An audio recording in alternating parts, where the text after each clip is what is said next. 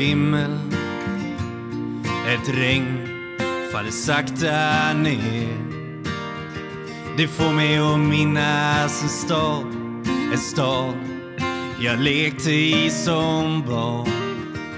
Grågrå människor i svarta, så svarta kläder. Men jag minns sorglösa dag, Ett vackert minne som alltid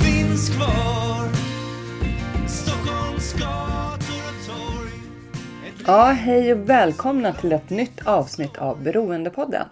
Beroendepodden är en podcast om alla olika sorters beroende, medberoende och psykisk ohälsa. Och jag som driver podden heter Anneli och är själv en beroendemänniska och lever som nykter alkoholist sedan, ja nu på söndag så blir det faktiskt 11 år. Herregud vad tiden går snabbt.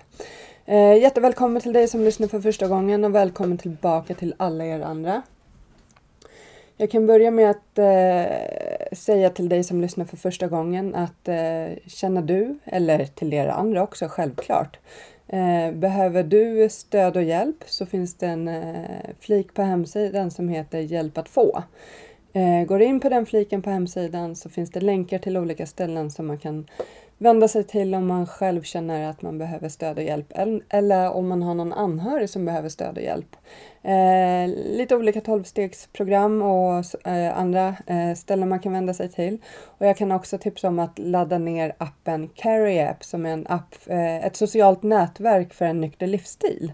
Eh, och laddar du ner appen så kan du hitta mig där. Jag heter Anneli Beroendepodden. Ehm, nu är det inte många dagar kvar tills vi eh, kör Flatenloppet. På lördag smäller det. Då är det äntligen dags för årets eh, upplaga av Flatenloppet. Eh, där vi springer eller går för att bryta tystnaden kring psykisk ohälsa och beroendeproblematik. Om du inte redan har anmält dig så finns det fortfarande platser kvar och det går även bra att ehm, efteranmäla sig på plats men eh, då kostar det tyvärr lite mer. Eh, så. Men eh, nytt för i år är att vi även har ett knattelopp, ett barnlopp och vi ser att det är rätt så många barn som har anmält sig och det är ju superkul tycker jag. Eller tycker vi som arrangerar loppet. Och den st- stora sträckan är 5,8 kilometer runt Flatensjön i Stockholm. Och som sagt, man behöver inte springa utan man kan gå runt om man känner för det och tillsammans så gör vi det här och bryter tystnaden kring psykisk ohälsa och beroendeproblematik. Men flatanloppet.com eller gå in på Beroendepoddens eh, sida så hittar du info där. Eh, fortsätt gärna att dela podden på sociala medier, Instagram och Facebook. Det betyder jättemycket, verkligen. Ju fler som hittar hit, ju bättre, ju fler kan vi hjälpa, jag och mina gäster. Och som sagt, podden gör jag ju tillsammans med er. Jag skulle ju inte, alltså jag är så glad för alla era mejl som jag får verkligen och till er som hör av sig på Instagram och ja, Facebook. Det finns ju många ställen att höra av sig på. Eh, verkligen, ni är bäst. Så jag är otroligt tacksam eh, för mina gäster jag haft med mig i podden och jag kände verkligen det nu när jag gjorde avsnittet som jag ska släppa idag. Efteråt så eh, fick jag en sån otrolig tacksamhetskänsla att fan vad fint att få, få göra det här tillsammans med er. Liksom. Att eh, sprida hopp eh, om en förändring. så. Eh, ja, det betyder mycket. Så fortsätt höra av er till mig eh, och berätta era historier. Det betyder mycket.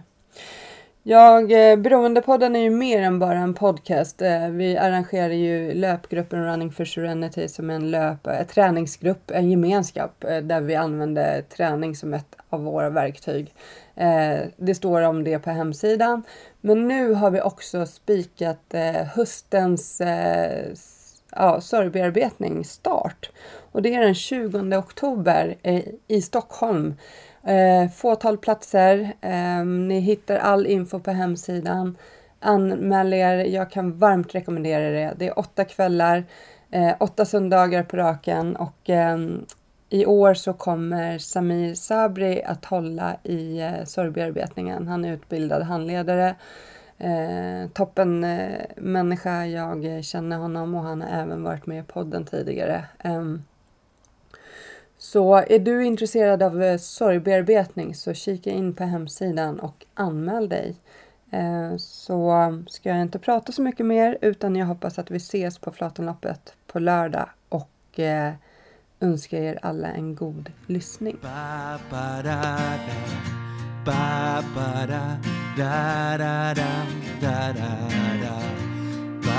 ba da Ja, hej och välkommen till eh, Beroendepodden Marcus Högberg. Tack så mycket. Idag ska vi prata om eh, psykisk ohälsa. Yes. Eh, och du är förmodligen, eller du har förmodligen, vad säger man, bipolär sjukdom typ 2. Bipolär sjukdom. Bi, ja, Ja, men jag tänker, säger man så här, du har eller du är? Du har. alltså det, du där, har säger man det, väl? det där är ju den stora frågan. Va? Så många, många gånger när jag skriver Ja.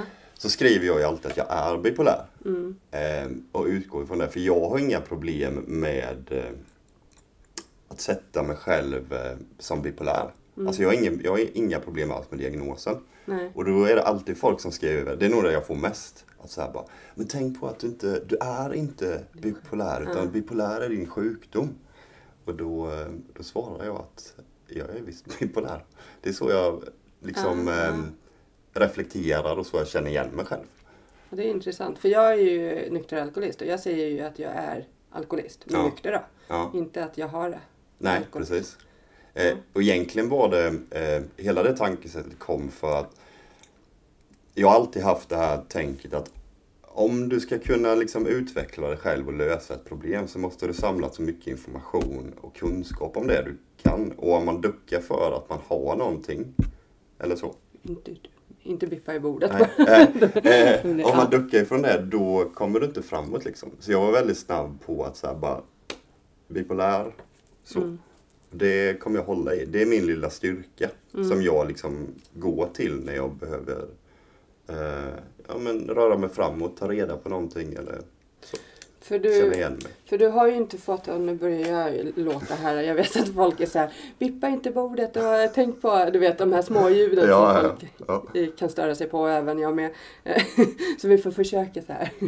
Eh, Ja exakt, sitta helt stilla, and, andas så tyst som möjligt. Nej men skämt åsido. Men, för du har ju inte fått diagnosen nu, men ni har, du har ju det i släkten Ja. och du känner igen dig i allt och, och eh, kring medicinering och så. Ja. Ja. Eh, en stor del av det igenkännandet är ju också att när jag väl fick mediciner, när jag kom till vården, så gjorde man som man liksom brukar göra, att man kollar upp liksom ifall person, man har ju så här skala du fyller i på hur du har mått de senaste typ tre dagarna eller vad det nu är. Mm. Eh, och då utgår det ifrån om man är, har en depression eller inte. Alltså på den våglängden. Mm. Och då började jag ju ta medicin som antidepressiva. Och testade tre eller fyra mediciner. Tre var det nog. Eh, och är du bipolär och äter antidepre- eh, antidepressiv medicin så kan du må, du kan bli jävligt dålig liksom. Mm. Och det blev ju jag. Eh, så det är också en sån här litet eh, check. Att man liksom så här, alltså Mm. inte har någonting som har med antidepressiv att göra, för det är inte det som är problemet. Och jag mådde så pass dåligt så läkaren, när jag var inne på, på psyk, det var det vi pratade om. Alltså bipolärspåret lät precis som att det passade på så som jag var. Och det jag hade reagerat på, Mm. helt enkelt. Men vi backar bandet eh, så vi får höra från början hur det har sett ut. Eh, jag läste din blogg. Vi kan börja med att säga vad, vad den heter. Den heter ditt namn. Karl Marcus. Eh, den, heter, den heter Du och jag, PO. Ja, du och jag heter den. Och PO ja, står ju för psykisk ohälsa. Eh, sen är det ju mitt namn under, så man kan nog söka på båda. Ja, för Kan man jag göra. sökte på ditt namn. Då kom Ja, jag in. ja. Men du heter du och jag på Instagram. Du och jag, ja. Också. Du och jag. Du och jag. Eh, och där skriver du väldigt mycket om, om dig själv som barn. Mm. Och jag, jag kan ju säga, som jag sa till dig när vi möttes upp på parkeringen, jag kände igen mig själv väldigt mycket i Mm. saker du skrev. Liksom. Och det, det är det som är så fint, att, eh, att när vi berättar våra historier så kan vi hjälpa andra genom att berätta att du är inte ensam. Så här Nej. kände jag. Precis. Eh, Så här upp, upplevde jag livet som barn. Och, ehm, Och du skriver mycket om känslor där och så. Så hur, hur, hur var det för dig när du var barn? Alltså, min barndom har ju varit väldigt fin.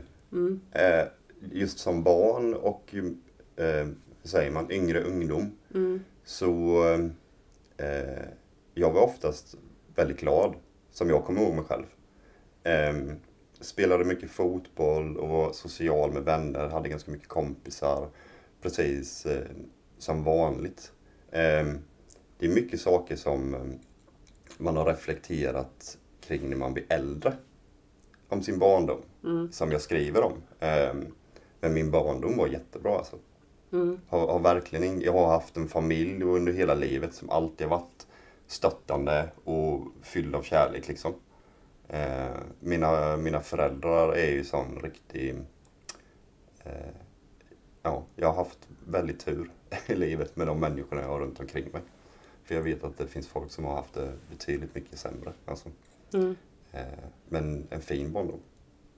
Men du upplevde ändå en känsla av oro rätt så tidigt. Ja, och det är ju någonting, alltså det, det är svårt att beskriva lite för det är sånt man, eh, när man tänker tillbaka på barndomen så, man hade liksom inte det typet av tänk när man var barn.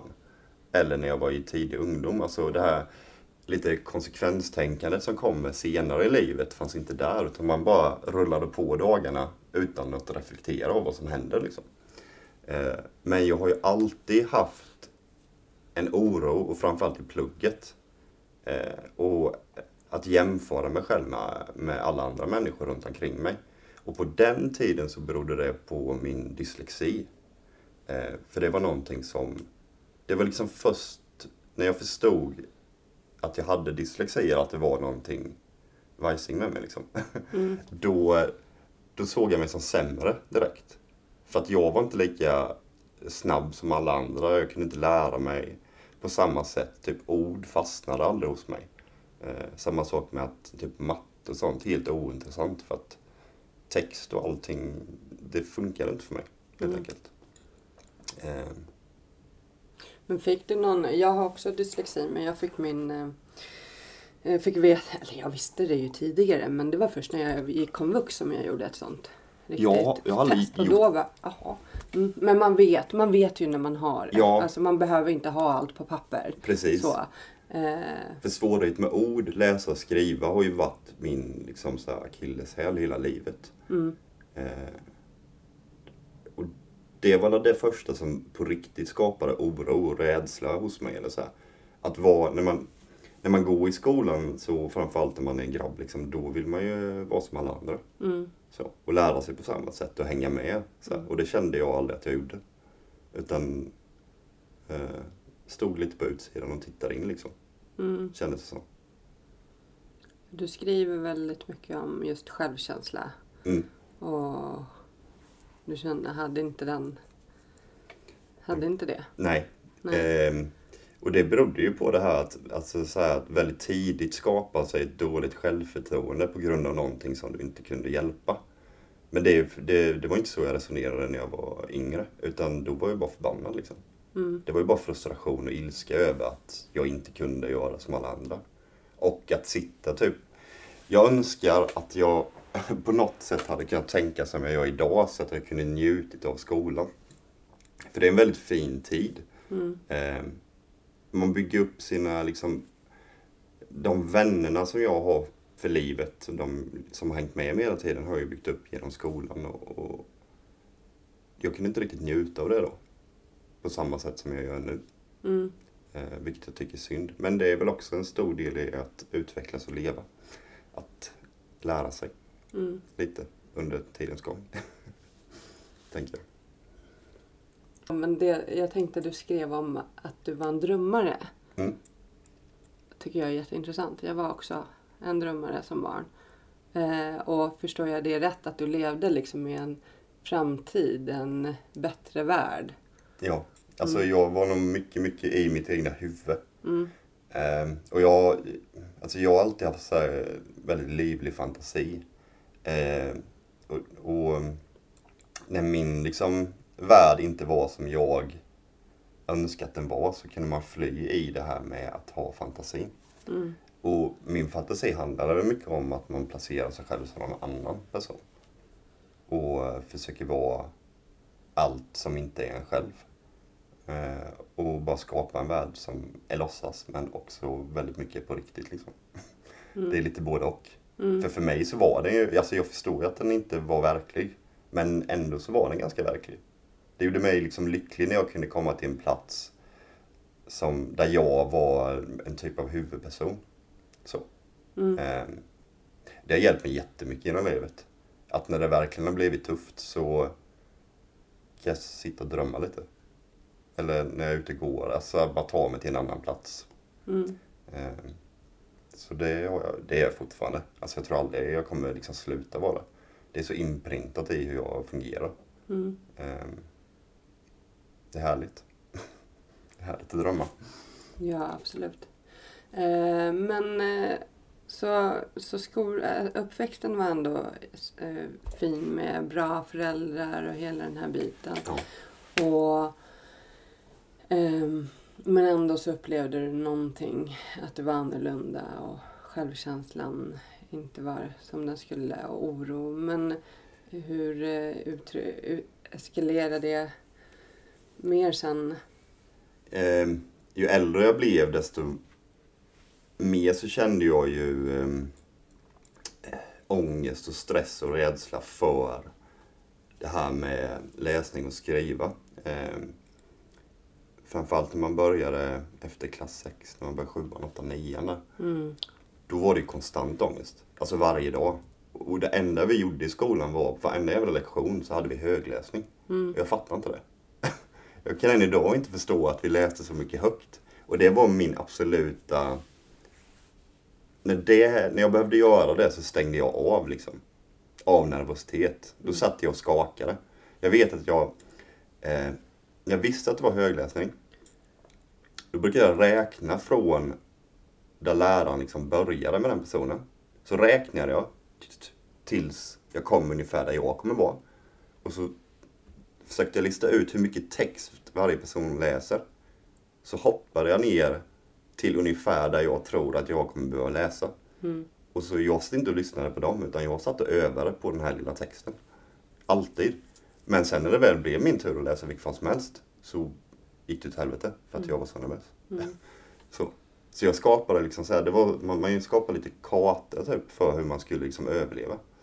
Ehm, och det, framförallt sjuan till nian där, de tre åren. Det var de absolut värsta alltså. Just ehm, med vad jag tyckte och tänkte om mig själv liksom. Där bara det här verkligen eh, det kommer ju som något oskyldigt liksom från början att man tänker att man är annorlunda. Men när du väl tänker så år efter år, då, då blir det en del av dig liksom. Oberoende om du vill eller, vill det eller inte. Det är så hjärnan funkar. Om vi, man blir liksom programmerad till att så fort någonting händer så ska jag tänka, hur gör någon annan person? För att du är inte stark nog eller smart nog eller det här för att göra detta. Så du måste göra som de andra. Vågar du berätta för någon om hur du kände? Och, eller liksom, Nej. pratar du hemma? Eller? Nej. Eh, men, och det är också någonting som har kommit senare och jag har nog alltid varit väldigt introvert. Eh, och, men det är också en sån här grej med att erkänna för sig själv att, att man kanske inte är, att man är lite annorlunda eller vad man ska säga. Det är också liksom ett svårt steg att ta. Framförallt om man inte vill vara annorlunda på något sätt. Eh, Så jag, jag höll allt för mig själv. Alltså människor fattade ju det.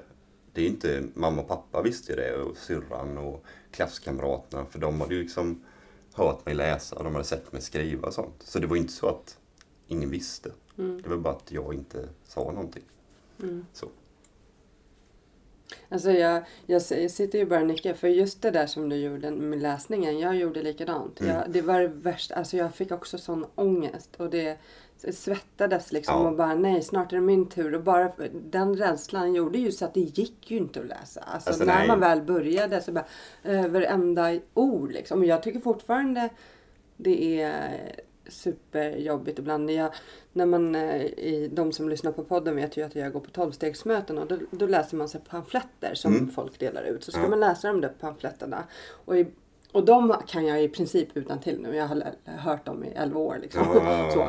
Men är det någon som kommer och ber mig läsa högt ur en annan bok på, möt, på möten. Ja. Då, då säger jag nej. För att jag kommer börja staka mig. Liksom. Jag. Om jag inte kan verkligen slappna av liksom, och så här, känna mig super, super trygg. Då kan det flyta på någorlunda. Men kommer den här lilla tanken att du kommer st- haka dig, då är det kört.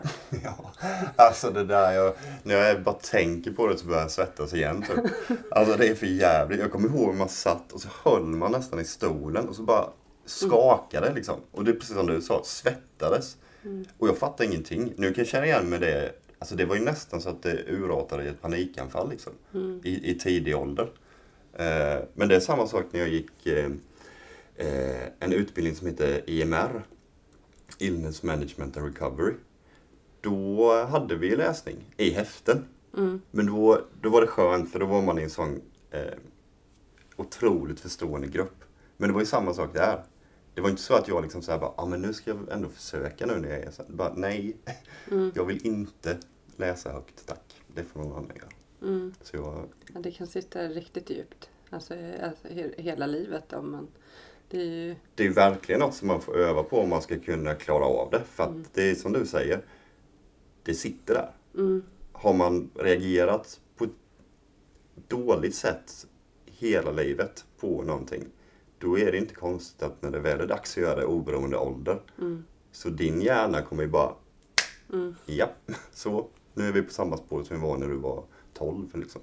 Hur var det när det var så redovisningar och sånt i skolan? Där, när man skulle stå där och jobba? Alltså jag, det var ju också hur hemskt som helst. Mm. Um, ah, fy fan alltså.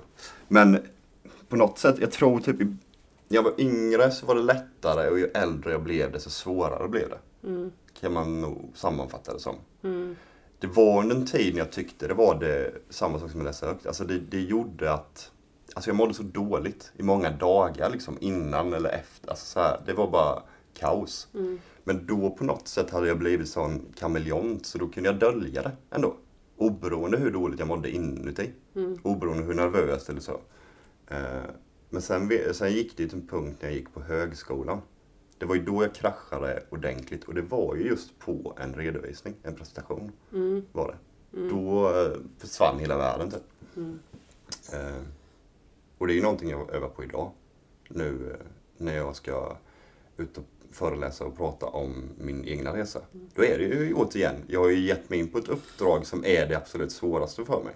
Och det är lite eh, det, är det är en tanke bakom det liksom. Om jag utmanar mig själv på det värsta jag vet, då kommer jag inte, då finns det inga gränser för hur, liksom, hur långt jag kan ta mig. Helt enkelt. Löser jag det så löser jag allting. För det, så var det. Jag var ju en sån, jag, som sagt jag känner igen mig jättemycket i. Jag vågade ju inte räcka upp handen för jag var så otroligt, otroligt rädd att säga fel. Och vad ska andra tycka och tänka om mig då i skolan. Redovisningar, jag skolkade alltid.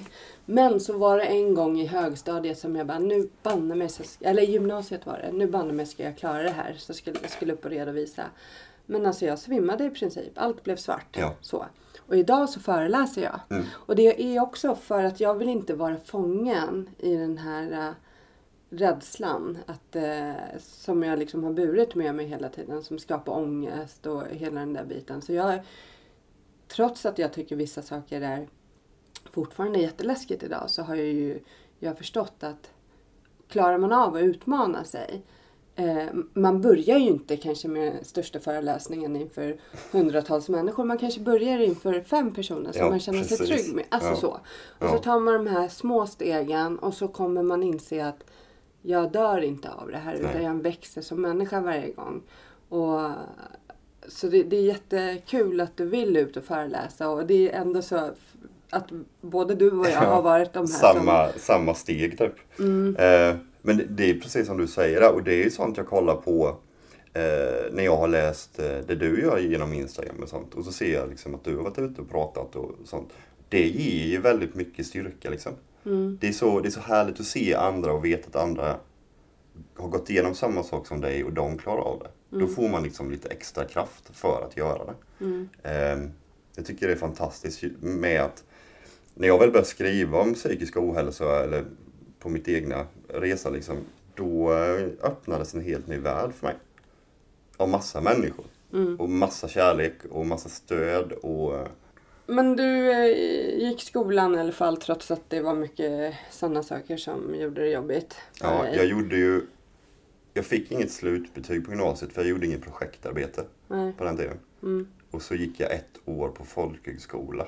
Mm. Det hette allmän C. Mm. Så då läste man de här ämnena så fick man ju en, en ja, som ska motsvara gymnasieutbildning. Mm. Då gick det väldigt bra i skolan. När jag väl gick på folkhögskola. Då var jag inte så, då var inte så dum. Nej. Eller så. Och, och det är ju det som också är en så här, för att man har dyslexi, det har ju inte någonting med ens intelligens att göra. Nej, Men nej, det är nej. lätt att man tror det när man själv är den personen som bara, varför fattar vad, vad är det som är så svårt? Det är bara att vi behöver andra verktyg. Ja, Alltså annan eh, teknik att lära oss grejer. Vi, så. Och ju är aldrig... det en så text som är ointressant, jag kan läsa den hundra gånger. Jag kommer, det liksom går inte in. Jag måste hitta ett annat sätt att förstå den där Ja, texten. Liksom. nej men och nu för tiden har vi ju så mycket information som, som är som podden här som är intalad. Om jag lyssnar på saker och ting, då har jag inga problem. Nej. Då är jag som en jävla svamp. Mm. Men sitter jag och läser, alltså jag tror jag har läst fem böcker i mitt liv. Mm. Kanske, eller något sånt. Mm. Och det är inte för att jag, alltså nu så jobbar jag ju på ett sätt som är bara med text i Mm. princip. Och jag älskar det. Det är också ironiskt att det jag ska hitta som jag verkligen förälskar mig i är att skriva just liksom. Mm. När ord har varit det jag hatade mest. Mm. Ehm, men på den tiden när man gick så här, det fanns ju inte samma sak. Och då kände man sig bara jävligt korkad. Mm. Oberoende, alltså du kan ju liksom ha de bästa vännerna som säger till dig, men det handlar inte om, precis som du säger, det handlar inte om din intelligens och så här. Mm. Det spelar ingen roll. Du Nej. känner dig fortfarande som en jävla idiot. Ja, jo. Det är det. Men det, det är också eh, som jag förstår som så pratar man inte så mycket i skolan. Dels har man ju tagit bort det här med att prata om beroende som jag förstår som. Och om jag har fel nu och ni lyssnar så får ni gärna rätta mig. Men eh, jag var ute och föreläste för vuxna och ungdomar här och de sa vi pratar ingenting om beroende. Men inte, alltså lite mer om psykisk häl- ohälsa pratar de om. Men inte så mycket. Nej. Och det är så här, herregud, tänk om vi kunde få redan i skolan höra om Alltså att man pratar känslor, tankar, alla de här bitarna om psykisk ohälsa och allt så där. Hur, hur mycket lättare det kanske vore för många. Alltså det, det är så mycket saker som eh, måste förändras genom sånt eh, som är det absolut största jobbet vi har att göra. Eh, alltså jag, jag tror, är det kanske 44 procent av människorna i Sverige, nu kanske jag säger fel på siffrorna så, Mm, som kommer någon gång gå igenom någon typ av psykisk ohälsa. mm, Det, det tror jag är ganska rimligt. mm. Typ nästan, vad blir det, var tredje person? Mm. Ja, Och jag tror att det tyvärr kommer bli mer och mer Precis. och mer med sociala medier och just det här att mycket handlar ju om att eh, vi känner att vi inte duger och i en värld som är uppbyggd som den är nu när vi ska jämföra oss Ja, konstant hela precis. tiden. Och folk målar upp folk har ingen liksom, eh, fattning om att bilderna människor målar upp om sig själva, de stämmer ju liksom inte. Mm. Det, alltså den är ju så... eh, Genom Instagram, du kan, ju, du kan ju bli precis vilken person du vill. Mm. Lägger du ner jobb på att, att visa en sida bara, enbart, så blir du den personen. Mm. Men det är ingen som någonsin kommer, kommer veta liksom ditt inre. Det handlar så mycket om att bara vara utåt Mm. hela tiden. Men det handlar inte om att, att ta hand om dig själv eller visa vem du själv är. Men, eh, men sen har det ju varit eh, många år som du inte har mått bra. Hur har det sett ut liksom i vuxenlivet för dig? Eh, Hur är måendet? när, jag, när jag slutade skolan och när jag började på folkhögskolan, alltså när jag slutade gymnasiet så jobbade jag lite direkt som skyltmontör och lite svetsare och sådana grejer. Eh, då, då mådde jag relativt bra. Alltså då hade jag inte de problemen som kom senare. Mm. Eh, men det som hände där var väl att man mycket av det man eh, det känslomässiga livet liksom att det dödades av att man var ute och söp liksom. Som ung. Mm. Det var väldigt mycket rock'n'roll på den tiden. Eh, och eh, du, du har ju ett annat, du kan ju ha ett annat alkoholsintag när du är yngre än vad du kan som äldre sen. Eh, och det körde jag och mina vänner på stenhårt. Mm. Sen är det ju det här typ, under den tiden så eh, hade jag min första riktiga flickvän och så det tog slut. Så, så jag gick igenom lite saker som jag aldrig någonsin hade gjort i livet tidigare. Som var jobbiga. Men överlag så mådde jag bra. Gjorde jag. Mm. Ehm, Det var som sagt, det gick riktigt åt helvete när jag började på Tekniska högskolan i Jönköping. Mm. Då eh, kraschade jag. Riktigt. Vad var det som hände då? då? Ehm, jag kommer ihåg den, den dagen, alltså jag antar att det var många år av att byggt upp stress och ångest och sånt och inte ventilerat det på något sätt utan du bara haft det inuti. Mm. Eh, tror, så tror jag det är för många att man inte liksom sköter om sig själv och till slut så, alltså din hjärna och din kropp och din liksom, mentala hälsa kan bara klara av så mycket. Sen säger det stopp, helt enkelt. Och jag kommer ihåg jag vaknade upp den här dagen eh, och kände mig helt, alltså jag kände mig så jävla konstig, som att jag var full typ. Mm. Ångest och, och ont i kroppen och huvudet gick knappt att lyfta liksom. Så vet jag att vi, jag hade haft mycket ångest för vi skulle ha en presentation. Så jag tog mig ner till skolan liksom. Gick in i klassrummet och så satte jag mig vid en bänk där med mina klasskompisar och så började redovisningen dra igång och så började det bli vår tur och då bara slappnade allting. Alltså, jag kände min, mitt hjärta gick genom bröstkorgen och jag kunde inte se någonting och liksom det svartnade hela tiden. Så ehm, jag reste mig bara upp därifrån och så gick jag hem. Och sen gick jag aldrig tillbaka. Ungefär. Så då fick jag ju mitt första riktiga panikanfall. Mm. Eh, som var riktigt dåligt. Sen spenderade jag den veckan i sängen typ. Jag tror inte jag, jag åt nog knappt någonting. Drack vatten och låg i sängen. För jag hade inte en jävla aning om vad som hade hänt mig liksom. Och var helt förstörd. Var jag. Ehm, så där liksom kom... Den dagen var en sån, när jag ser tillbaka på det så var det lite som att hela livet kom ikapp med det här liksom. Även... Hur ehm, gammal var du då? Typ. Åh, Hur länge sedan var det här? När kan det ha varit? Vad är jag nu? Jag blir 32, jag blir 33. 24, 25 eller något sånt där kanske? Mm. Mm. Kan det ha varit sånt? 8, 8 9 år sedan. Mm. Ehm, Det var liksom som, allt det här jag kände som barn. Allt den stress jag kände som ungdom. Ehm, Alla de känslor som jag jag hade tryckt in och, och liksom varit ute och festat istället och druckit alkohol och sånt. Allt liksom den dagen så bara, nej.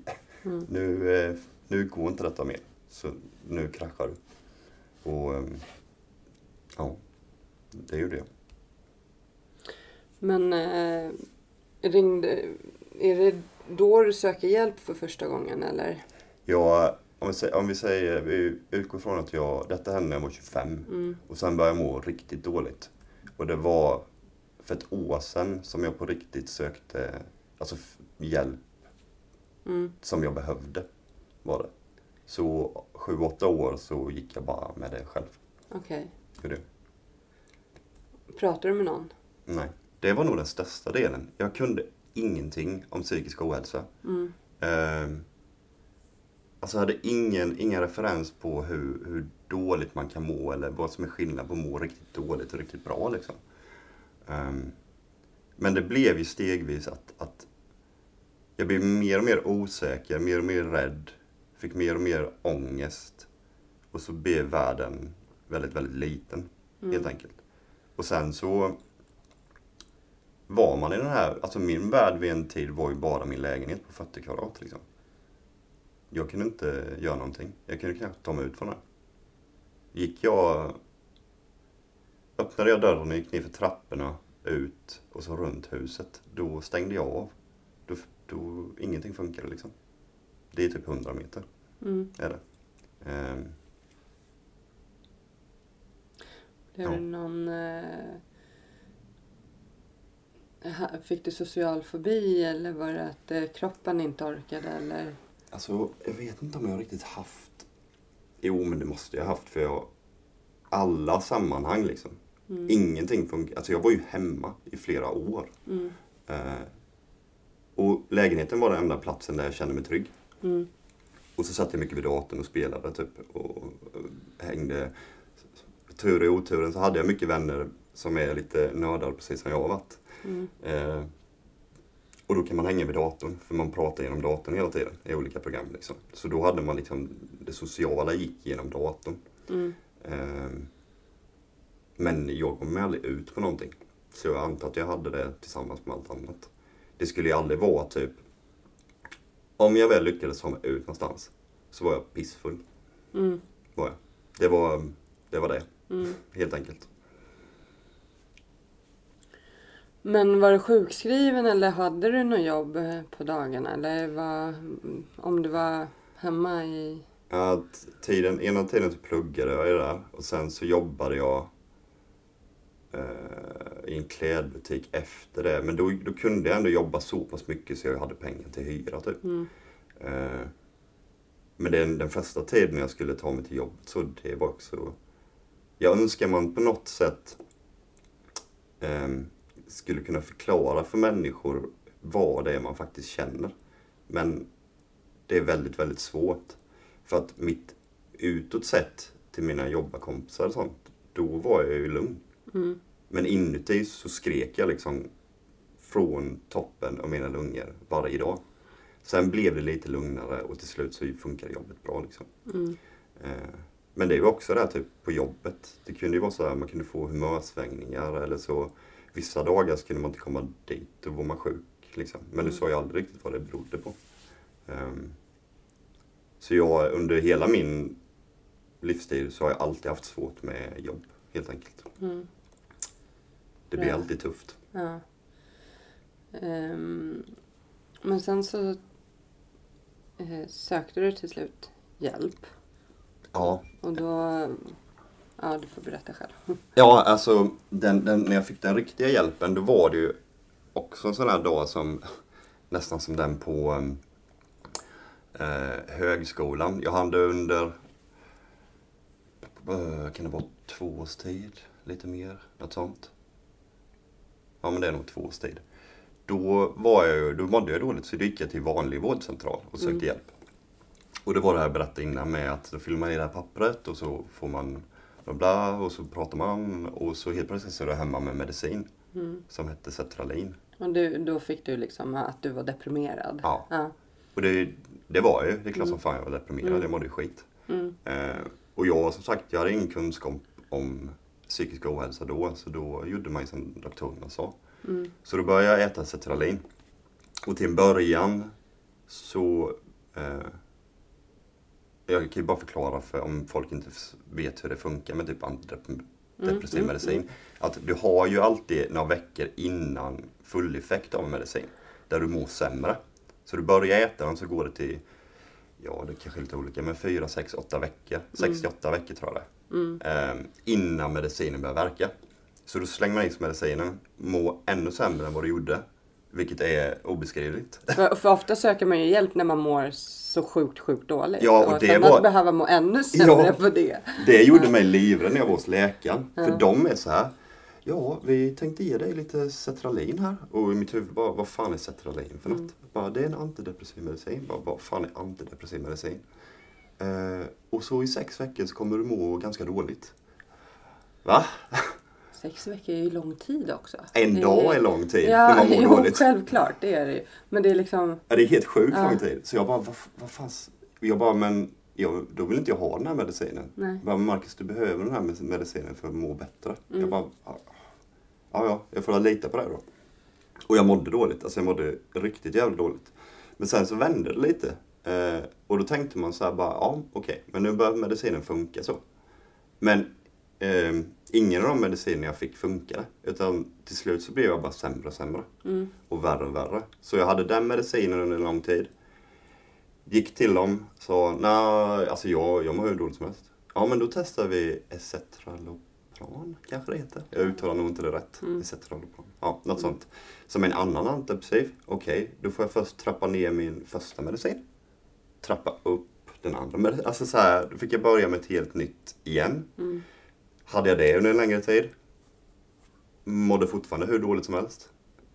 bytte den medicinen mot något som heter Mirtazapin, tror jag. Mm. Och så gjorde samma sak. Och till slut så blev det helt ohållbart. Alltså jag hade, från att jag började med de här medicinerna i, i den här tvåårsperioden så hade jag konstant jätteångest. Alltså 24 timmar om dygnet. Och den slutade till slut med att jag hade dödsångest. Eh, för medicinen gjorde att min hjärna, vad som än hände i min kropp, vad, som än, liksom vad jag än stoppade i mig för något, det reagerade min kropp på som att det var helt livsfarligt. Oberoende vad jag ville. Eller så här. Ehm, så det var ju en, alltså från att jag vaknade tills att jag gick och la mig så var det bara dödsångest. I två års tid. typ. Mm. Ehm, vissa kvällar så när jag, eh, då låg jag liksom jämte min sambo. Och så helt plötsligt kunde jag bara börja skaka så här okontrollerat. Och så svettas, det bara rinner svett. Så då fick jag på något sätt liksom hålla om henne för att känna mig lite trygg. I huvudet känner jag ju bara, men jag kommer dö, men då håller jag om henne. Så hon märker typ ifall jag försvinner så märker hon det och då hjälper hon mig. Eh, men jag kunde inte sova, så jag låg och skakade tills jag blev så pass utmattad så jag somnade. Mm. Och det hände ganska ofta liksom. Det var livet på den tiden. Eh, Men de, det var medicin, det var inte så här, ja men samtalshjälp eller? Jo, jag hade lite KBT. Eh, jag hade en jättebra, det glömde jag. Mm. Eh, Yvonne tror jag hon heter, på, på vårdcentralen som jag hade KBT med. Hon var ju helt fantastisk. Men problemet var att KBT hjälpte inte mig. Mm. För att jag var medicinerad på ett helt fel sätt. Så min ångest, det var ju inte min kropp och hjärna som Nej. bråkade eller så. Utan detta var ju bara kemiskt. Och då kan du inte göra någonting. Det spelar ingen roll hur många verktyg du skaffar dig eller vad du ska göra. För den kommer aldrig sluta så länge du har de ämnena i kroppen. Mm. Ehm, men under ja, eh, den här tvåstiden med den här superångest till dödsångest så till slut så vaknade jag ju bara upp en dag. Eller det var nog kanske redan dagen innan så kände jag så här bara Alltså jag Behöver jag gå igenom en dag till med detta då pallar inte jag mer alltså. Och så var det lite så här i huvudet. Jag bara okej men Om du känner så här imorgon när du vaknar så Då får du gå till morsan och farsan direkt. Och de bor väldigt nära mig som tur är. Ehm, så jag vaknade upp och det var värre än vad det var när jag gick och la mig liksom. Så jag bara på något sätt så tog jag på mig skorna, gick över till pappa och sa att jag behövde hjälp. Och så åkte vi upp till eh, psykakuten direkt. Men det var ju också så här, det var ju bara tur. Alltså det var ju bara tur att jag på något sätt var... Även när jag mådde som, som absolut sämst så var jag på något sätt hjälp... Alltså jag ville inte ge upp liksom, att jag var på något sätt hjälpsökande. Mm. Eh, hade jag inte haft den inställningen liksom, då hade jag ju bara väntat på att min flickvän hade gått och så hade jag hängt mig själv typ. Så, eh, ja, på så sätt så, det, det är alltid lite läskigt att tänka på. Nu är jag ju på en bra plats liksom. Mm. Men jag, jag tänker också alltid på alla andra människor som får gå igenom samma sak. Som kanske inte har den tryggheten i en familj som jag har haft tur att ha. Som kanske inte har de vännerna, som känner sig helt jävla ensamma. För, ja, det är farligt. Ja, vad, vad är det? Det är fyra om dagen som tar sitt liv. Ja, något sånt. Jag tror Mm, Något. det kanske ligger runt 1500 per år. Mm. Ish. Men det är fint för du lägger ut på din Instagram hela tiden hjälptelefonnummer till eh, vart man kan vända sig också. Ja, det var ju någonting som var viktigt för mig. Va? För att in, information som är hjälpsam är ganska lätt för en, en person som inte mår dåligt att googla fram. Liksom. Mm. Men för en person som mår riktigt jävla dåligt, att sätta sig och leta efter någonting Det är som är omöjligt. Ja. Och det förstår inte folk. Nej. För människor bara, men det finns ju... Vill du ha hjälp med dina mediciner så finns ju, vad är det, 177? Är det den? Vård? Sjut- 1177. 1177 är det. Eller? Ja, och det är ju en informativ sida. Mm. Mm. Så. Du har Alltså, har du testat? Jag testade i Jönköping och googlade fram eh, telefonnummer till psykakuten. Mm. Det var fan omöjligt för mig att göra. Jag hittade inte det. Mm. Alltså det, det går inte. Och det finns inte så här... Eh, om du ska hitta folk som pratar om psykisk ohälsa, om tabu, alltså oberoende vad det är, eller beroende, eller om man har överlevt cancer eller har diabetes, så måste du hitta de här människorna. Mm. Och så måste du sitta och läsa. Mm. Vi har inte som på... Vi har ingenting på våra största typ mediasidor. Till, om man tar till exempel Alf, Aftonbladet, Mm. som jag antar är störst. Mm. Där har vi... Man kan gå in och, och på de här flikarna så finns det mat och dryck till exempel. Mm. Då går man in på mat och dryck för att jag vill göra lasagne. Mm. Då finns det tips och idéer på hur du kan göra detta. Extrem lätt, extremt lättåtkomlig information som hjälper dig med det du behöver. Men vi har inte någonstans något sånt om vården. Mm. Och det är för mig helt jävla otroligt. Mm. Och då, då, liksom, då är det inte bara psykisk ohälsa jag menar, utan jag menar allt. Varför finns det inte lättåtkomlig information där du direkt kan få hjälp? Mm. Eller där du kan läsa någon annan om du behöver lite om du behöver lite boost liksom. Eller innan du mår så dåligt så du inte kan tänka. Att du liksom innan har börjat läsa och fått kunskap och lärt dig någonting. Det har vi liksom inte. Mm. Och jag vet när jag... ehm, ehm, jag vet inte om vi sa vi det att jag skrev en debattartikel för Aftonbladet? Nej, det har vi inte sagt. Nej, Nej. men då säger jag det. Ja. Lite egen sponsring. Ja. Nej, men när jag skrev den här debattartikeln som jag fick göra för Aftonbladet. Eh, vilket gjorde mig jätteglad att de, att de ville lyssna. Och det handlade just om felmedicineringen. Mm. Eh, och hur, det, hur farligt det är att bara ge ut mediciner till människor utan att faktiskt ta reda på vad fan det är för fel på dem. Mm. Eh, för det gör man. Man gör inte ett grundligt arbete utifrån mina erfarenheter när det kommer till att ge ut medicin. Mm. Och då, det är också någonting som jag tänker på nu då.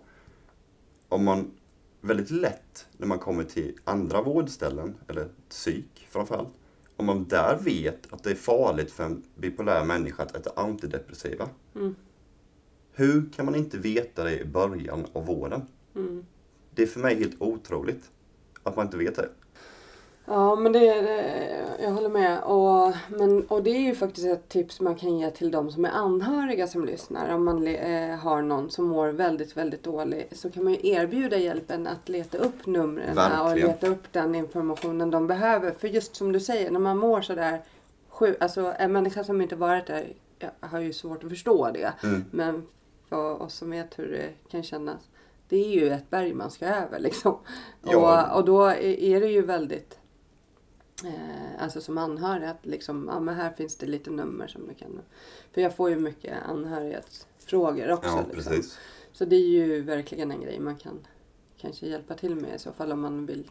Eller så. ja. Eller så. De anhöriga kan ju, men det är också den här, du vet ju också själv när du mår dåligt så här typ, eh, Alltså du, du blir ju, man kan ju bli helt förlamad. Alltså just den här kroppsliga sängliggande fasen som många hamnar i. Liksom. Du kommer inte ur sängen för att din kropp vill inte. Liksom. Ja, alltså hjärnan, hjärnan är så dåligt. utbränd så du, den minsta rörelse Mm. tar all din energi. Liksom. Mm.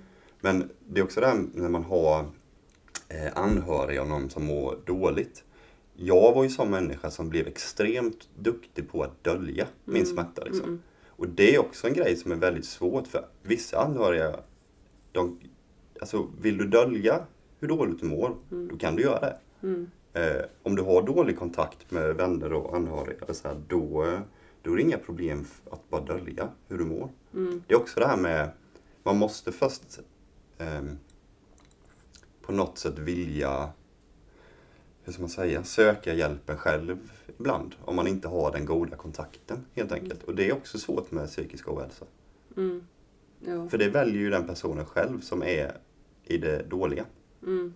Eh, och ja, eftersom folk tar livet av sig så är det ju tyvärr så att man väljer den utvägen istället för att öppna upp sig och prata för att det är för jobbigt.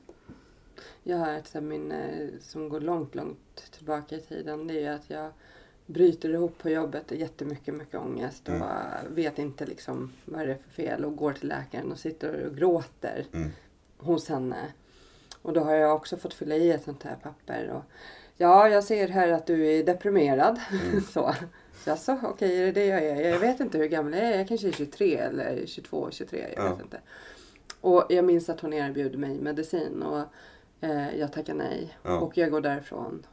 Och inte... Sen var det var inte så här, okej men om du inte vill ha medicin så här har vänd dig hit eller kolla. Alltså, Nej, nej, det var fi- inget nej. mer utan jag gick därifrån och kände mig ännu mer så här. Jaha nu då? Alltså, Man är helt jävla vilsen. Ja, Mm. så. Det känner jag också igen. Och, och mitt mående idag med min bakgrund, det är ju mycket av de verktygen jag har, har jag ju hittat själv. Men då har det ju varit i de perioderna när man har liksom mått bra och, och orkar liksom, eller mått bättre som man har hittat de här verktygen. Men när man ligger där och inte mår så bra, då är det svårt att ens leta upp det liksom. Ja, alltså det, det, blir ju, det blir ju en omöjlig uppgift. Eh, jag vet inte om man ska förklara det så folk förstår. Alltså, det, Jag vet att många poddlyssnare förstår. Ja, det är så. Vad bra. Men jag vet Eh. också att det är många eh, som jobbar inom psykiatrin och läkare och alltså som jobbar med människor med psykisk ohälsa eller beroendeproblematik som Mm. lyssnar. Och att då, för dem är det här också väldigt mycket kunskap att få höra Men det är, historien. det är som du sa där, att det här med att hitta verktygen och nyckeln. Det kan ju också vara så här i, i ditt, eh, just i den tiden när du mår som sämst. Då har du inte liksom kunskapen och erfarenheten för att hitta de här nycklarna. Nej. Eh, de kommer ju oftast efteråt. Mm. Eh, och det är det som är så viktigt. Vi har liksom i, i, i många eh, ämnen när det kommer till, eller grenar när det kommer till psykisk ohälsa eller som du håller på med, att man liksom har blivit nykter och, och drogfri. Mm. Ja. Ehm, den kunskapen tillsammans med vården är ju det absolut viktigaste. För i Sverige så finns det människor som har gått igenom väldigt mycket tråkigt och har hur mycket kunskap som helst som kan hjälpa andra människor. Mm. Men den, den syns inte på samma sätt som den borde. Det är en kunskap som jag antar att vården jättegärna skulle vilja ha Mm. och som är ett måste för oss för att ta oss liksom framåt. Att, att prata med en läkare och prata med en person som har egen erfarenhet av precis samma sak, det är stor skillnad. För när den personen som eh, har egen erfarenhet om till exempel var bipolär för mig Mm. och har tagit sig längre än vad jag har gjort, pratar, då lyssnar jag. De orden är liksom en vägledning. Det är inte samma sak med en läkare. Mm. Eller förstår du skillnaden? Ja. Mm. Du, du får inte samma tillit till läkaren. Vissa kanske har skitdålig eh, erfarenhet av vården. Ehm, jag, jag har en, en god vän till mig som har han har nog haft otur med varenda jävla läkare han har träffat. Och så är det ibland. Mm. Du träffar idioter. Men sen är det inte bara det, de har ju inte tiden. Alltså, du får en kvart när du ska gå in, eller Ja. 20 minuter. Så bara hej, jag, sist jag var, nu sökte jag ju för andra grejer liksom så. Men eh, det var så här, okej men vi hinner bara ta den här delen. Ja. Men du kan boka upp ett nytt möte om tre månader. Ja. Man bara, va? Ja. Vadå? Ja, men nu sitter jag här, kan vi inte bara Ja. så? Och det är samma sak när du mår dåligt. Ja. Om du behöver hjälp precis. Om jag behöver hjälp precis nu. Ja. Hejsan. Ja, du får en tid om fyra veckor. Har inte tidigare? Ja, vi kanske kan trycka in det om två veckor. Eller så får du åka upp till psykakuten. Ja. Okej. Hej då. Jag har aldrig varit på psykakut. Jag vet inte hur det funkar. Det är skitläbbigt att åka dit om man aldrig har varit där innan. Mm. Alltså det är så många... Eh, ja, det är så många steg som man, som man måste liksom berätta om innan folk tar sig dit. Mm.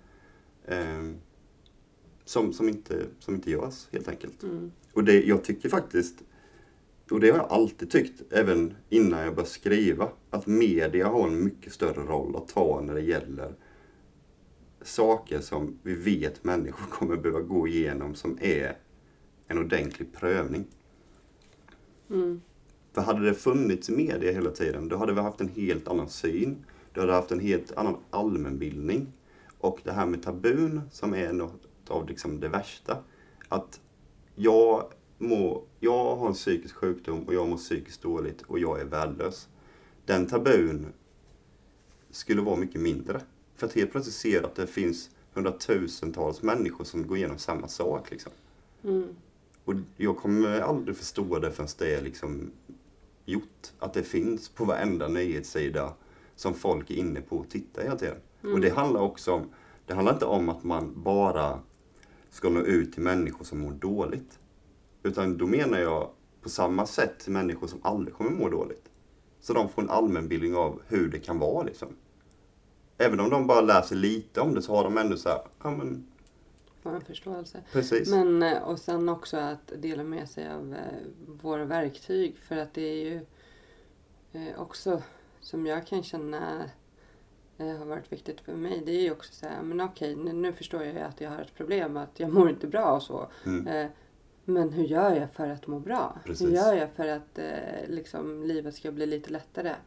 Ehm, så, och det är ju också jätteviktigt att kunna hitta det när man söker på psykisk ohälsa. Det är Söker ju- ja, liksom, men hur ska jag göra då? så. Det är ju en supernyckel. Och jag, ehm, vi har ju något i Jönköping som heter Peers. Mhm.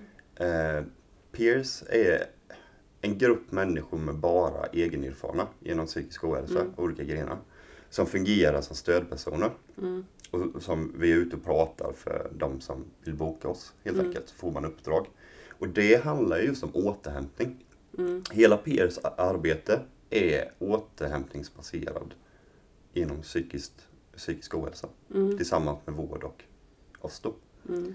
Ehm, Jag vet inte om man har det i andra kommuner. Jag tror man har det lite överallt. Det finns nog lite Det är lite som Men man måste ju leta upp dem. Ja. Det är ju det. Man måste hela tiden leta upp vart det finns. Liksom. Att det Precis. ska det kanske vara enklare att hitta den hjälpen.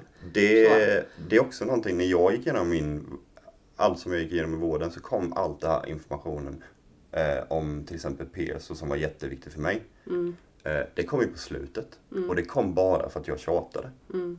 Bara, jag vill eh, gärna hjälpa, ja, men jag satt typ med min läkare och bara, jag vill gärna hjälpa andra som går igenom samma sak som jag behövde. Hur gör jag det?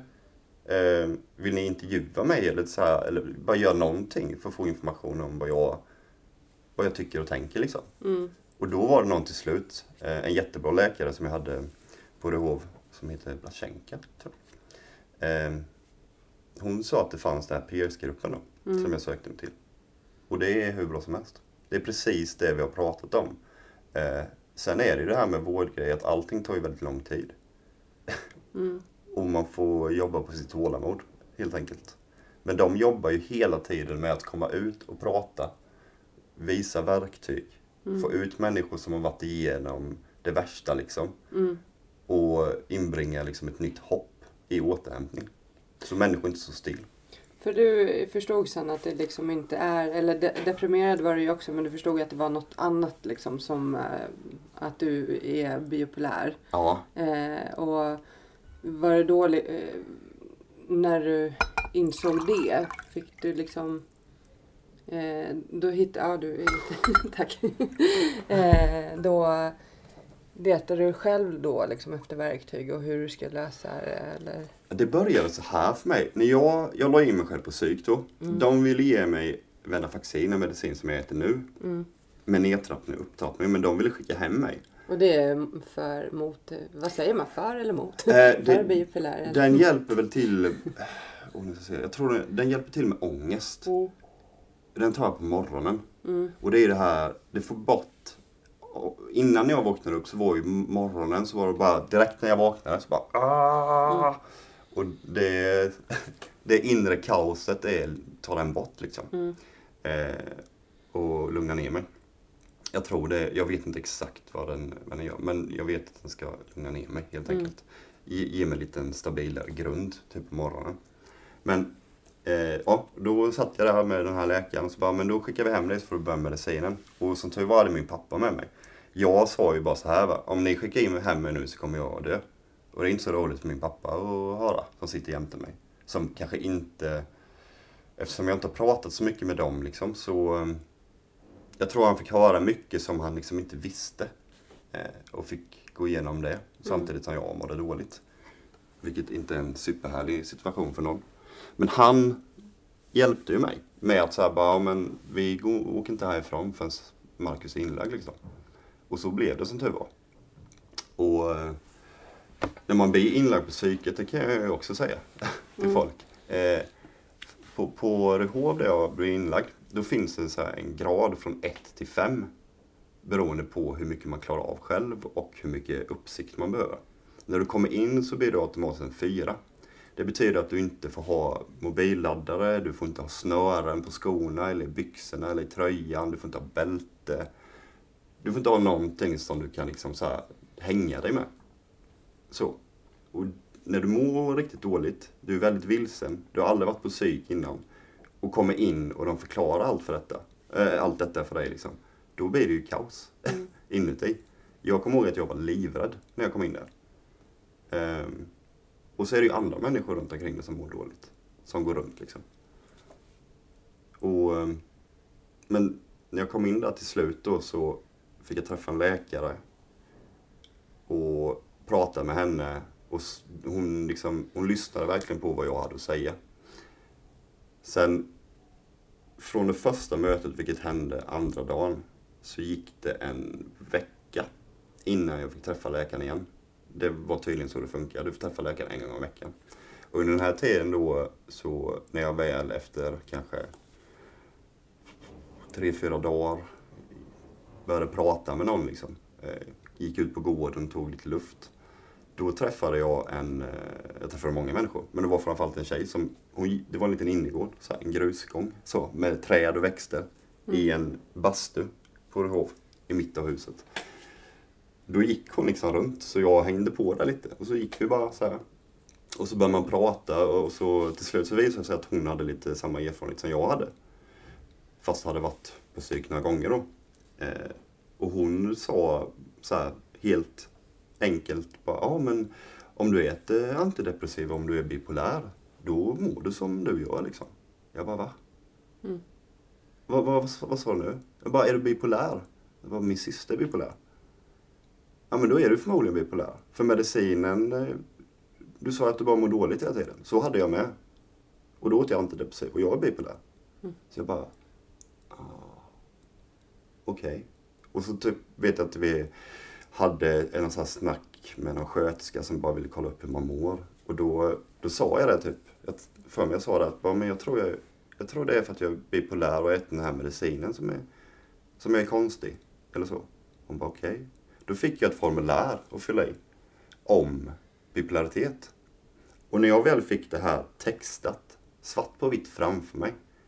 Så de här frågorna jag kanske hade fått under, jag vet jag fick en fråga, bara, har du någonsin varit manisk?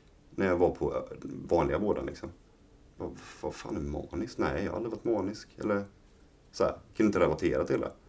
Men på det här pappret om bipolaritet stod det så här typ, har du haft svårt att typ handskas med pengar? Har du haft humörsvängningar? Och så står det så här alternativ, eller vad säger man? Inte alternativ. Olika förslag. Förslag, ja. Mm. Helt plötsligt så bara, ja men jag känner igen mig i nästan allting på detta. Och då typ, ja, Mm. då ändrades någonting. Mm. Så nästa gång jag pratar med den här läkaren så förklarar jag detta då och lämnar fram det här pappret och så. Och hon bara okej, men då har vi, då har vi liksom en riktlinje att gå på. Och då testar vi de här medicinerna. Så ändrar hon allting direkt. Och typ två dagar efter det så var min dödsångest borta. Helt. Typ. Jag mådde väldigt dåligt under den tiden vi bytte medicinerna för det gick väldigt fort. Eller det kanske var tre, fyra dagar innan jag mådde bättre. Men liksom, man bytte dem jättefort. Mm. Så det blev under de dagarna, alltså jag, jag kommer inte ihåg någonting av de dagarna. Jag var så groggy så jag vet inte vad jag gjorde. Ehm, Men sen så började jag känna en lättnad som jag inte hade känt på hur många år som helst. Och det var helt sjukt. Det var den... Det, jag, jag liksom hade glömt bort att man kan må bra. Helt enkelt. Mm. Eh, för det hade jag inte gjort på hur många år som helst. Så det, jag vet inte, jag kan inte förklara den lättnaden jag kände men det hade jag glömt bort helt enkelt. Mm. Hade jag.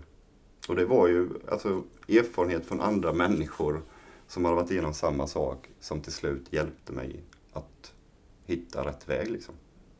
De, hon där inne på gården som jag gick och taskade med, hon blev ju mitt eh, ledljus. Även vi pratade inte så mycket efter det liksom. Men just de tio minuterna så det ändrade typ allt i mitt liv. Mm. Det är också konstigt när du väl tappar det här då och mår bättre. Då har du ingen aning om hur du ska känna för du, du, har, du vet inte hur du ska känna för att må bra liksom. Mm. Det är nästan som att du saknar den här, det låter helt sjukt, men nästan att du saknar den här smärtan du har haft hela tiden. För att det har varit ditt liv liksom. Det är det enda du vet. Mm. Och när den försvinner så visste inte jag hur jag skulle reagera liksom. Idag är jag väldigt tacksam för att den inte finns där. Men eh, Men jag förstår vad du, vad du menar. det, det blir som ett tomrum liksom. Ja. För att genom hela livet, jag känner aldrig att jag har varit speciellt duktig på någonting. Mm. Men att handskas med smärta, det är min grej. Mm. Det är fan ingen som slår mig i att klara av. Du kan kasta vad som helst på mig tydligen och så överlever jag det. Nu var ju det också väldigt tursamt men och det var allting jag visste liksom. Mm. Så när det försvann så saknar man den demonen en liten stund. Alltså vissa grejer låter så här lite, lite löjligt ibland men eh, eh, för du frå- jag tror du frågade innan jag började rabbla på innan återhämtningen liksom, hur det funkar. Mm. Och när jag var på psyk, min återhämtning började med att jag bäddade sängen. Mm. För jag tänkte, jag försökte, alltså på något sätt, jag vet inte om jag har haft ganska lätt att på något sätt tänka logiskt. Mm. Oberoende hur dåligt jag mått. Eh, och det är kanske det som har räddat mig många gånger att man fortfarande är här liksom. Att man tänker att om en logiskt sett så mår du, så vill du kanske dö nu. Men om 20 minuter så kanske du inte vill göra det. Alltså det tänket. Mm. Och då började jag med, för varje morgon så kom en sköterska in så här. Jag kommer ihåg första morgonen när jag hade sovit. Jag sov så jävla dåligt när jag var där uppe. Sov nästan ingenting. Så vid åtta tiden så kom någon och bara knackade på dörren så. Mm. Eh, nu är det dags för frukost Marcus. Bara, men jag vill inte äta någonting. Jag vill bara ligga här och sova. Hon bara, ja men du, du vill äta någonting? Nej, jag vill inte, jag vill inte äta. Sluta. Bara, jo men du ska äta nu. Och så tog de upp mig liksom. Och så, alltså, jag åt en macka, det tog typ 45 minuter eller någonting. Men de visste ju det. Att om du börjar äta så blir du lite starkare. Och nästa gång du ska äta så blir du lite starkare.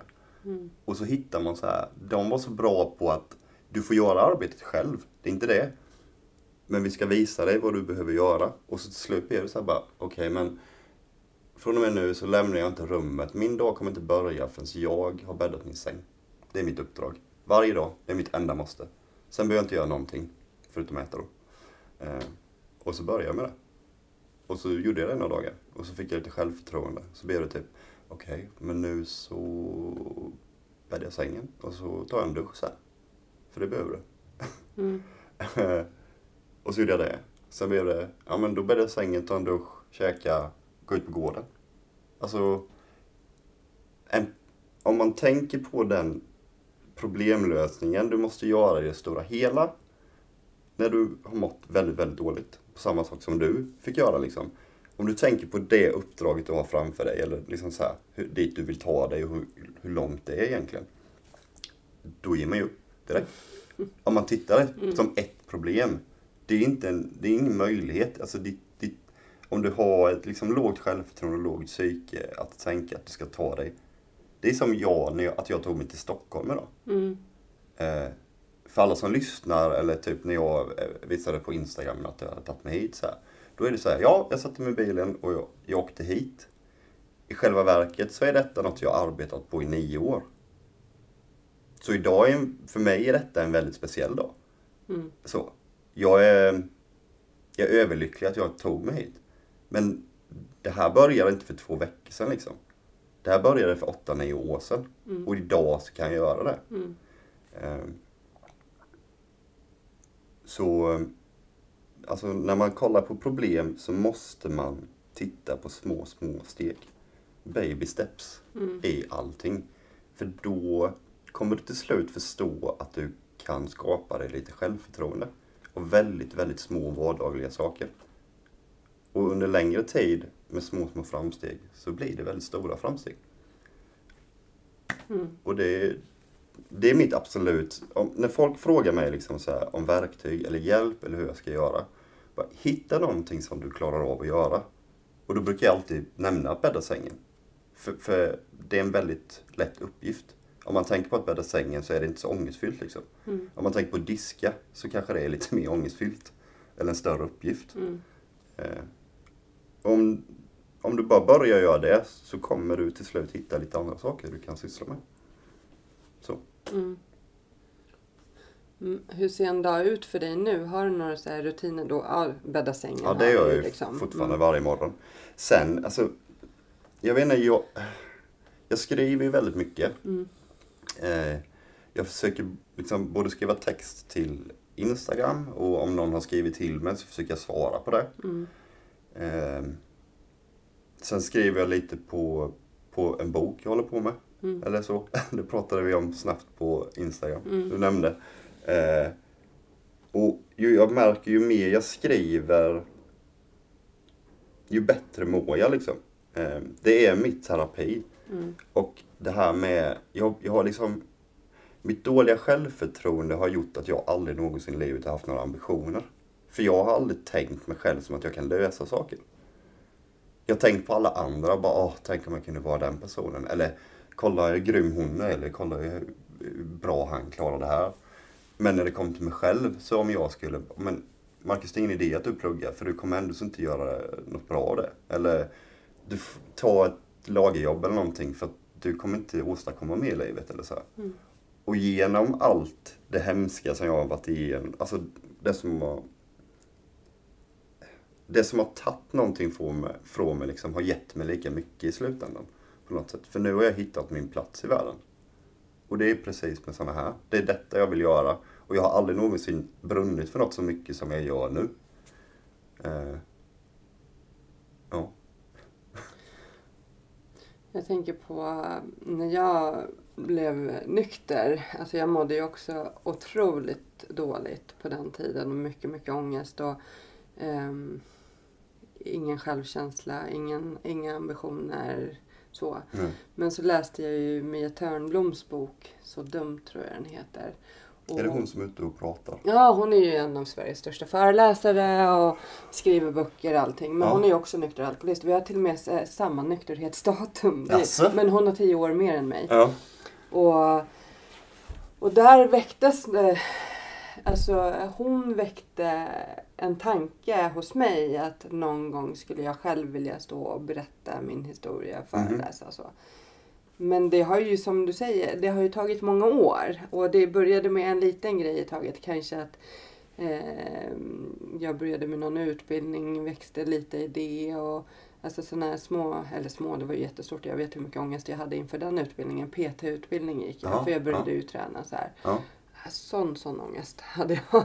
Och på provet, ja det ska vi inte ens tala om. Men jag klarade det i alla fall. ja. Och så klarar jag det och så nästa steg och så här.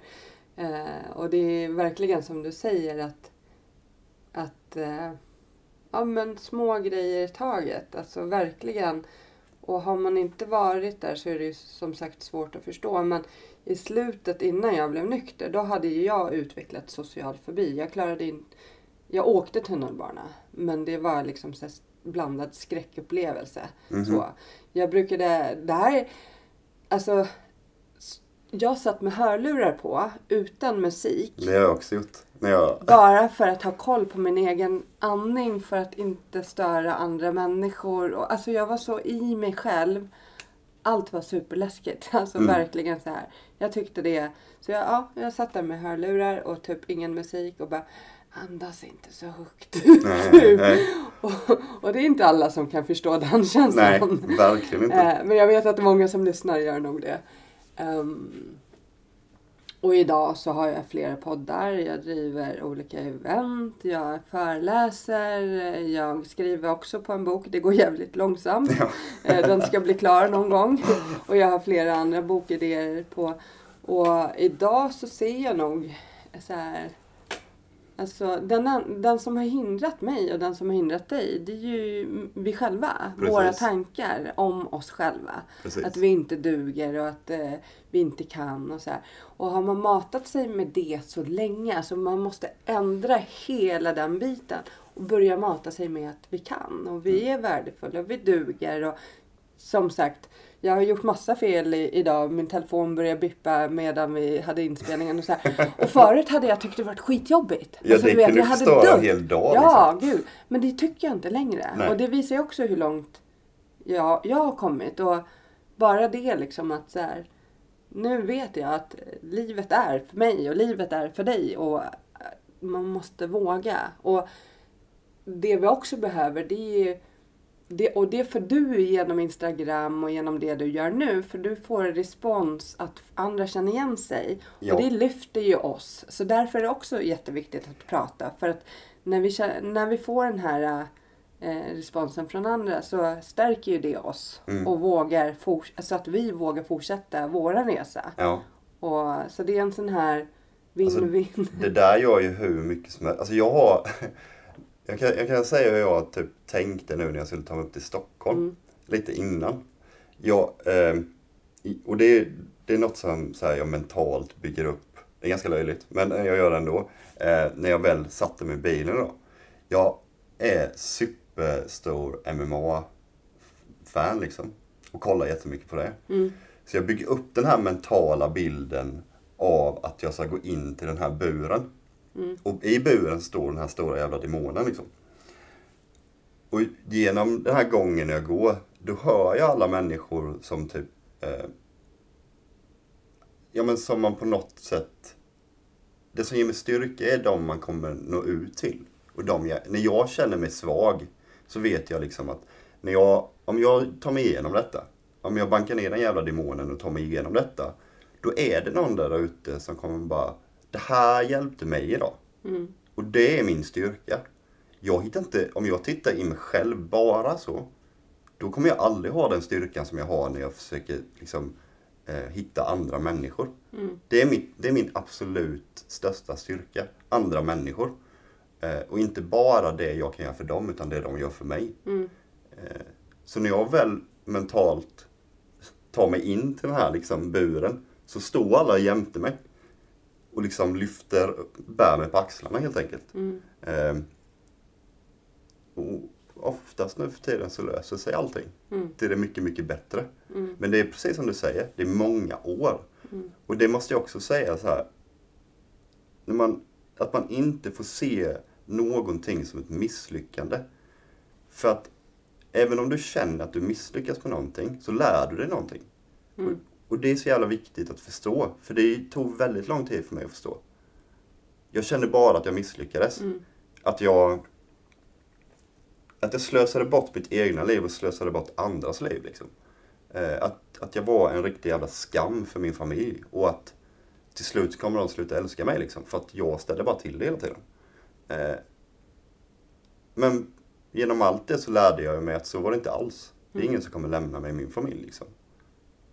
De blir bara starkare och hjälper mig. Liksom. Eh, det var så många grejer som man liksom fattar senare. Men eh, det tycker jag man ska nämna, att det här med att misslyckas finns liksom inte. Nej. Det är lärdom och det är kunskap, alltihop. Oberoende av om det känns bra inuti eller dåligt, så är det lärdom. Och det är erfarenheter. Och det är det vi bygger allt. Det var som du sa innan, det är det du bygger det du kan göra idag på. Det är det jag bygger på. Att ja, men vi vet att idag så tar vi oss igenom detta på grund av att vi har gjort det här. Mm. Mm. Så är det. Så är det. Ja. Eh, vi ska avrunda, men är det någonting vi har missat? Eller är det någonting du vill säga till lyssnarna innan vi...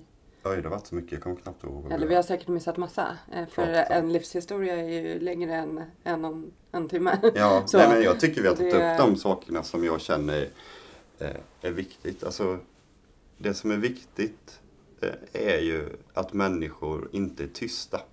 Att människor vågar prata. Och man måste också respektera de människorna som inte vågar prata. Mm. För alla har...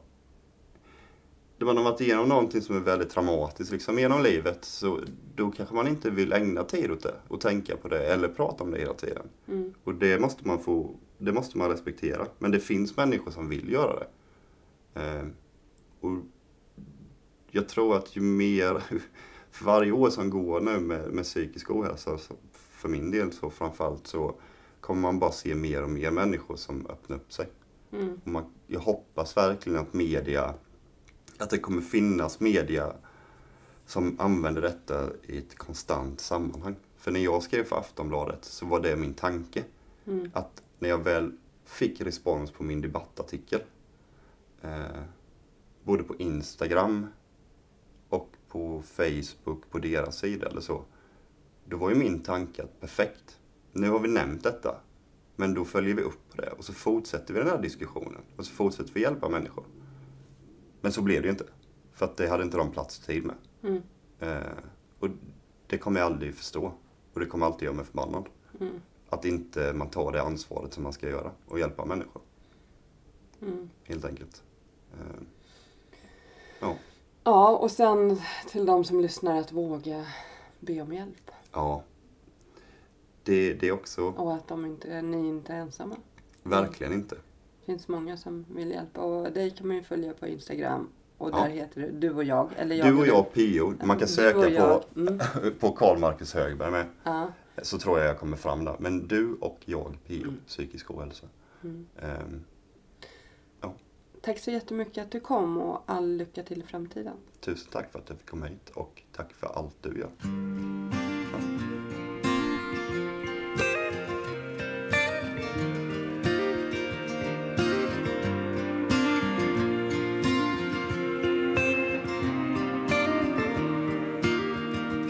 Mörk himmel Ett regn faller sakta ner det får mig att minnas en stad En stad jag lekte i som barn. Grågrå människor i svarta, så svarta kläder. Men jag minns sorglösa dag Ett vackert minne.